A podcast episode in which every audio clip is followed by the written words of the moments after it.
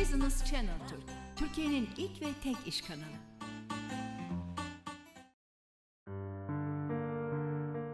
Konuğumuz gümrük ve dış ticaret uzmanı Sayın Mehtap Yıldırım. Hoş geldiniz. Hoş bulduk, teşekkür ediyorum. Evet, öncelikle sizi tanımak, tanışmak istiyoruz. Buyurun. Tabii ki memnuniyetle. İsmim Mehtap Yıldırım, 1975 Elazığ doğumluyum. E, lisansımı İşletme Fakültesinde tamamladım. Onun peşine Uluslararası İlişkiler'de yüksek lisansımı tamamladım. Hali hazırda e, merkezi İstanbul Bahçelievler'de bulunan e, Gümrük ve Dış Ticaret Şirketi'nin kurucu ortaklarındanım ve e, yönetici olarak çalışmaktayım. Dış ticaret nedir? Dış ticaret ülkeler arasında mal ve hizmet alım satımıdır. Farklı bir ülkeye yaptığınız satışlar sizin ihracatınız, aynı şekilde farklı bir ülkeden alışlarınız da ithalatı oluşturmakta. Burada bu şekilde dünyada e, oluşan alışverişlerde global ekonomi oluşturmakta diye adlandırabiliriz. Evet, e, gümrük ve dış ticaret uzmanlığı, bilgi ve becerisi nelerdir veya ana başlıkları nelerdir bunu da merak ediyoruz. Ayrıca dış ticaret işlemlerine destek veren kurum ve kuruluşlar hangileridir? Öncelikle şöyle söyleyelim, bir uzmanlığın tanımını yapalım isterseniz. Gerek gümrük olsun, gerek dış ticaret olsun, e, etkin ve verimli yapılabilmesi için gerekli uygulamalarımız ve mevzuatımızın, altyapımızın olması gerekiyor. Yetkin bir kişi olacaksınız. Bunun yanı sıra iç mevzuatı bileceksiniz. Dış mevzuatı bileceksiniz. İç mevzuat dediğimiz kendi ülkenizde olan mevzuat. Bunun yanı sıra da dış mevzuatlar var. Karşı ülkeyle e, olan e, mevzuatlar. Onun peşine Dünya Ticaret Örgütü girer. Dünya Ticaret Odası girer. Yani çok komplike bir iş. Bunun yanı sıra mevzuatlardan isterseniz kısaca bahsedelim. E, birincisi dış ticaret rejimini bileceksiniz. Banka ödeme şekillerini bileceksiniz. İthalat, ihracat işlemlerini bileceksiniz. Artı e, dış ticaret işlemlerinin muhasebeleştirilme yönünde e, genel kabul görmüş tek düzen hesap planlarını bileceksiniz. Ve bunun yanı sıra tabii ki arada e, destek veren kurum ve kuruluşlar var. Bunlara isterseniz bir de bir göz atalım. Çünkü bunları da komplike kendi aranızda yönetmeniz, yetkinliğiniz olması lazım. Şimdi bu kurumlar neler? İlk önce şunu söyleyelim. İthalat ve ihracat iki tane temel aktörümüz var burada. Biri ithalatçı, bir tanesi de ihracatçı. Dolayısıyla bunlar kendi aralarında işlemlerini yapmak için ve birbirlerine karşı olan sorumluluklarını yerine getirebilmek için muhakkak bir takım ara aktörlere ihtiyaç duyarlar. Bunlar ne olabilir? İşte ihracatçı birlikleri olabilir. Bunlar ödeme söz konusudur, banka olacaktır. Bunun içine gümrük işlemleri girecektir, gümrük müşavirlikleri söz konusu olacaktır. Ürününüze göre çeşitlilik arz eden kurum kuruluşlar var. Türk Standartları Enstitüsü gibi vesaire. Yani kısaca aslında şunu söyleyebiliriz. Bu saydığımız kurum, kuruluşlar, destek veren ara aktörler, iç mevzuat bunları pratikte uygulamanız lazım. Dolayısıyla da gerçekten de yoğun stres altında yaşadığınız bir meslek bu. Ee, ve bu yoğun stres altında yaşarken de etkin karar vermeniz gerekiyor. Hı hı.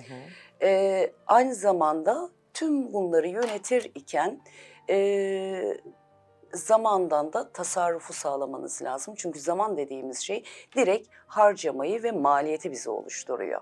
Ama tabii ki bu mesleğin güzel bir yanı bana kattığı e, kendi gündelik hayatımda çok güzel planlı, programlı ve zamanı ergonomik kullanabilmem oldu diyebiliriz.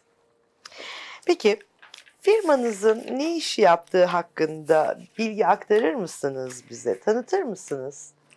Önce şöyle söyleyelim, e, ihracat ya da ithalatla ilgilenen tüm şirketler gümrük mevzuatına uygun olarak e, gerekli işlemleri üzerine getirmekle yükümlüdür. Şimdi dış ticarette e, peki bu nasıl oluyor ya da müşavirlikte nasıl oluyor? Mevzuatımızda da şöyle geçiyor. E, eşyanın gümrükçe onaylanmış bir işlem veya kullanıma tabi tutulmasına ilişkin faaliyetleri dolaylı temsil yoluyla takip eder sonuçlandırır. Tabii bu mevzuatsal tanımı. Hemen basit bir dille e, bunu anlatalım. Ticaret Bakanlığı'nın tanın, tanıdığı yetkiler dahilinde gümrük e, bölgelerinde gümrük işlemlerini yapmak, sonuçlandırmak Bu şekilde söyleyerek e, daha basite indirgeyelim. Onun peşine şunu da e, firmamı tanıtmadan evvel şunu da özellikle söylemek istiyorum. Şimdi ithalat vergileri, dış ticaret üzerinde olan harcamalar olduğu gibi firmaların, işletmenin karlılığı üzerinde olduğu gibi olumsuz e, etkileri olabiliyor. Bunun pozitif, olumlu etkileri de olabiliyor. Tabi biraz yetkinlikle alakalı. E, bunun haricinde bir de karmaşık bir sistem. Riskleri içinde barındıran bir sistem. Dolayısıyla uzmanlarla, tecrübelerle bunu yapmak zorundasınız. Bir kere tecrübesizliği asla affetmiyor. Direkt önüne maliyet olarak bir kere e, önünüze geliyor bu. İlk önce bunu bir cepte alalım. Bir de halk arasında e, tecrübe ve deneyim aynı manada kullandığımız iki terim. Ben şöyle açıklıyorum bunu. Hayatınızda bir defa yaptığınız yamaç paraşütünü artık yaptım, deneyimledim, tecrübeliyim, istediğim doğada, istediğim şartta, istediğim yerde yaparım diyemezsiniz. Büyük riskleri olur. Dolayısıyla e, biz de e, şöyle söyleyeyim etkinliklerimizi ya da firmamızın gücünü e, mevzuata dayalı bilgimiz ve artı tecrübelerimizle harmanlaştırdık. Tabii bu bir ekip işi. Ben tek değilim. Belki şu anda görünen yüz benim. Ee, arkada kocaman bir ekip var. İç sağ e, ve dış sağ operasyonu olmak üzere e, profesyonel bir ekipten oluşuyoruz. Resmi olarak 2013 yılında e, kurulduk. Şu anda da Bahçeli Evler'de hali hazırda hizmet veriyoruz. Merkezi olarak Türkiye'nin tüm e, alanlarında, gümrük bölgelerinde de işlemleri gerçekleştiriyoruz. Kısaca böyle diyelim. Dış ticarette yenilikler var mıdır? Varsa nelerdir? Şöyle söyleyelim, e, biliyorsunuz bir sanayi devrimini geçirdik. Burada e, etkilenen ülkeler oldu, yakalayamayan ülkeler oldu. Şu anda da artık teknoloji hayatımıza girdi ve artık ne diyoruz? Dijital bir çağ başlıyor. Bunun ayak sesleri tabii ki yeni, dünden bugüne e, olan bir durum değil. Paris İklim Anlaşması, daha doğrusu Paris Anlaşması'yla iklimin ne kadar ilk önce önemli olduğu vurgulandı. Ne denilmek istedi e, Paris İklim Anlaşması'nda? E, iklim krizinin önüne geçmek için atmosfer sıcaklığını dediler ki biz bir buçuk derecede sabitleyeceğiz. Şimdi bir baktık ki AB Yeşil Mütabakat önümüze çıktı. Peki bu neydi? İsterseniz bir buna bakalım. Avrupa dedi ki ben artık yeni bir nesil olacağım, yeni bir Avrupa olacağım. Ben çok daha sağlıklı olacağım, daha etkin olacağım, daha verimli olacağım, e, tüketmeyeceğim, daha çok üreteceğim ve dedi ki ben öncü olacağım dünyaya bu konuda. Biliyorsunuz öncü kıta olarak e, da devam etti. Şu anda da şöyle bir süreç var. 2023'ü bir geçiş süreci olarak beş sektörü belirleyerek belli alt başlıklarını doldurdular. Şöyle diyelim, isterseniz hayatımıza giren bir takım kavramlar var, onları e, biraz da inceleyelim. Ne girdi bununla birlikte? Bir baktık ki yeşil finansman girdi. Daha dijitalize olmak girdi. Döngüsel ekonomi girdi, emisyon girdi, karbon fiyatlama girdi, emisyon ticaret sistemi derken birçok terminoloji aldı başını gitti. Neden bunları anlatıyoruz? Özellikle Avrupa e, nezdinde baktığımız zaman şimdi hem coğrafi yakınlığımız, avantajımız hem de gümrük birliği anlamında e, anlaşmamız olduğundan ötürü bizim ihracatımızın %50'sini biz Avrupa Birliği'ne yapıyoruz. Hı hı. Bu yüzden bizim için dış ticarette çok önem arz etmekte. Peki bunun altlarını doldururken ne dedi? Döndü dedi ki ben bu yeşil olmak için ekonomik anlamda daha çok e, katlanacağım şeyler olacak ve ben bunu tüm dünyadan da istiyorum. Bir kere karbonu salmayacaksınız. Karbon e, emisyon e, azaltacaksınız. Bunu nasıl yapacaksınız? Karbon salınımını tutacaksınız, yakalayacaksınız, nötrleyeceksiniz. Bunu yakala üretim bandında. İstersen bacağında yakala, istersen deponda yakala. Hı hı. Bir kere bunu salma dedi. Peki bunun peşine döndü dedi ki ya dedi ben dedi artık yeşillendireceğim. Bunları düşünüyorum. Artık sürdürülebilir bir dünya istiyorum. Çevreci oldum, çevre dostu oldum. Artık tüketip atmayacaksınız.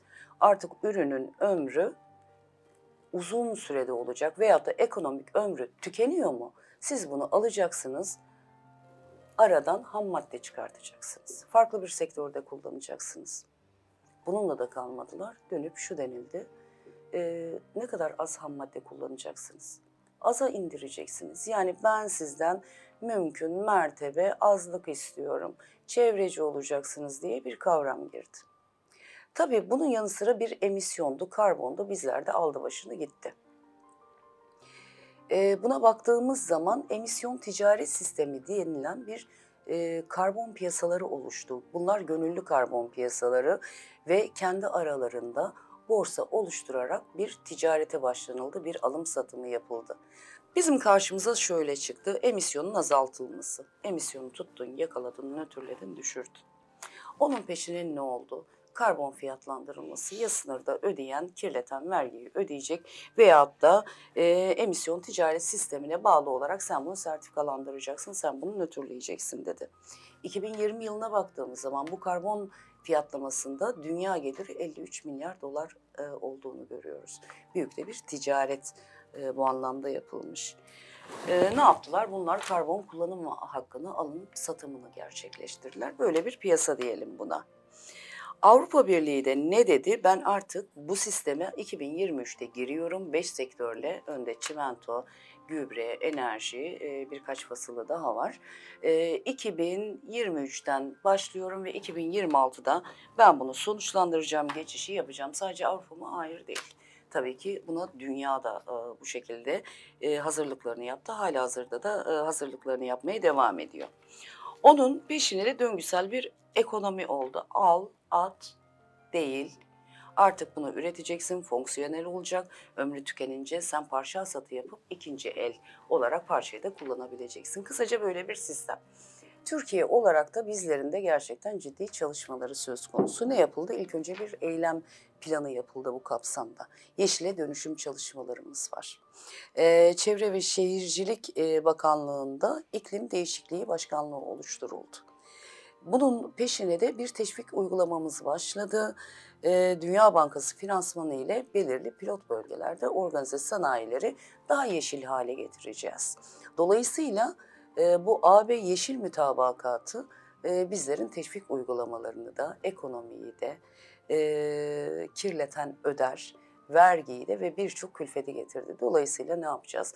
Dış ticaret firmaları olarak bizler bunu yakinen takip edeceğiz. Çünkü artık kullanacağımız portallarımız farklı. Ee, ilk önce ne yapacağız? Bakanlığımızı takip edeceğiz.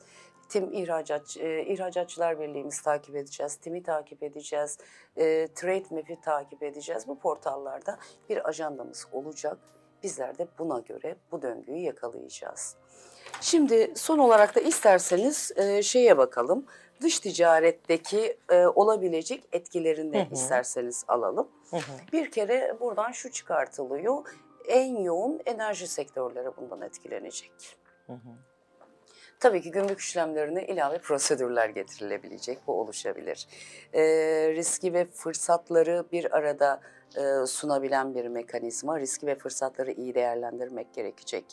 Ee, dış ticarette bölgeselleşmeler olabilecek.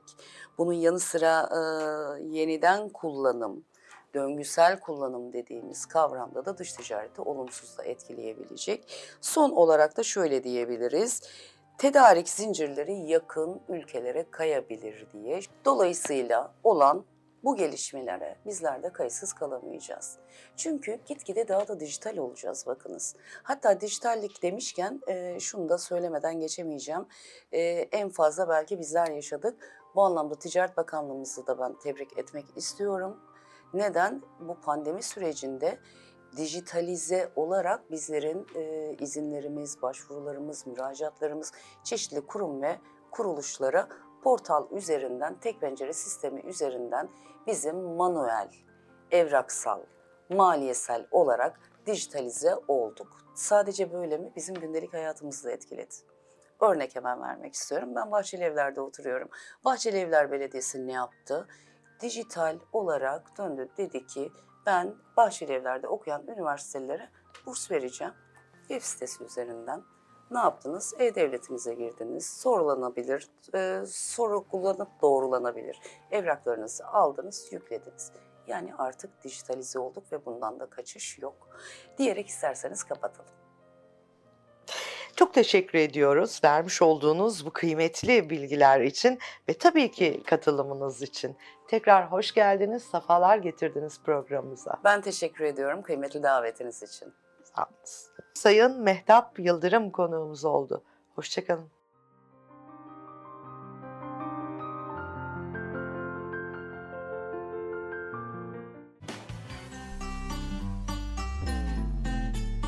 Business Channel Türk, Türkiye'nin ilk ve tek iş kanalı.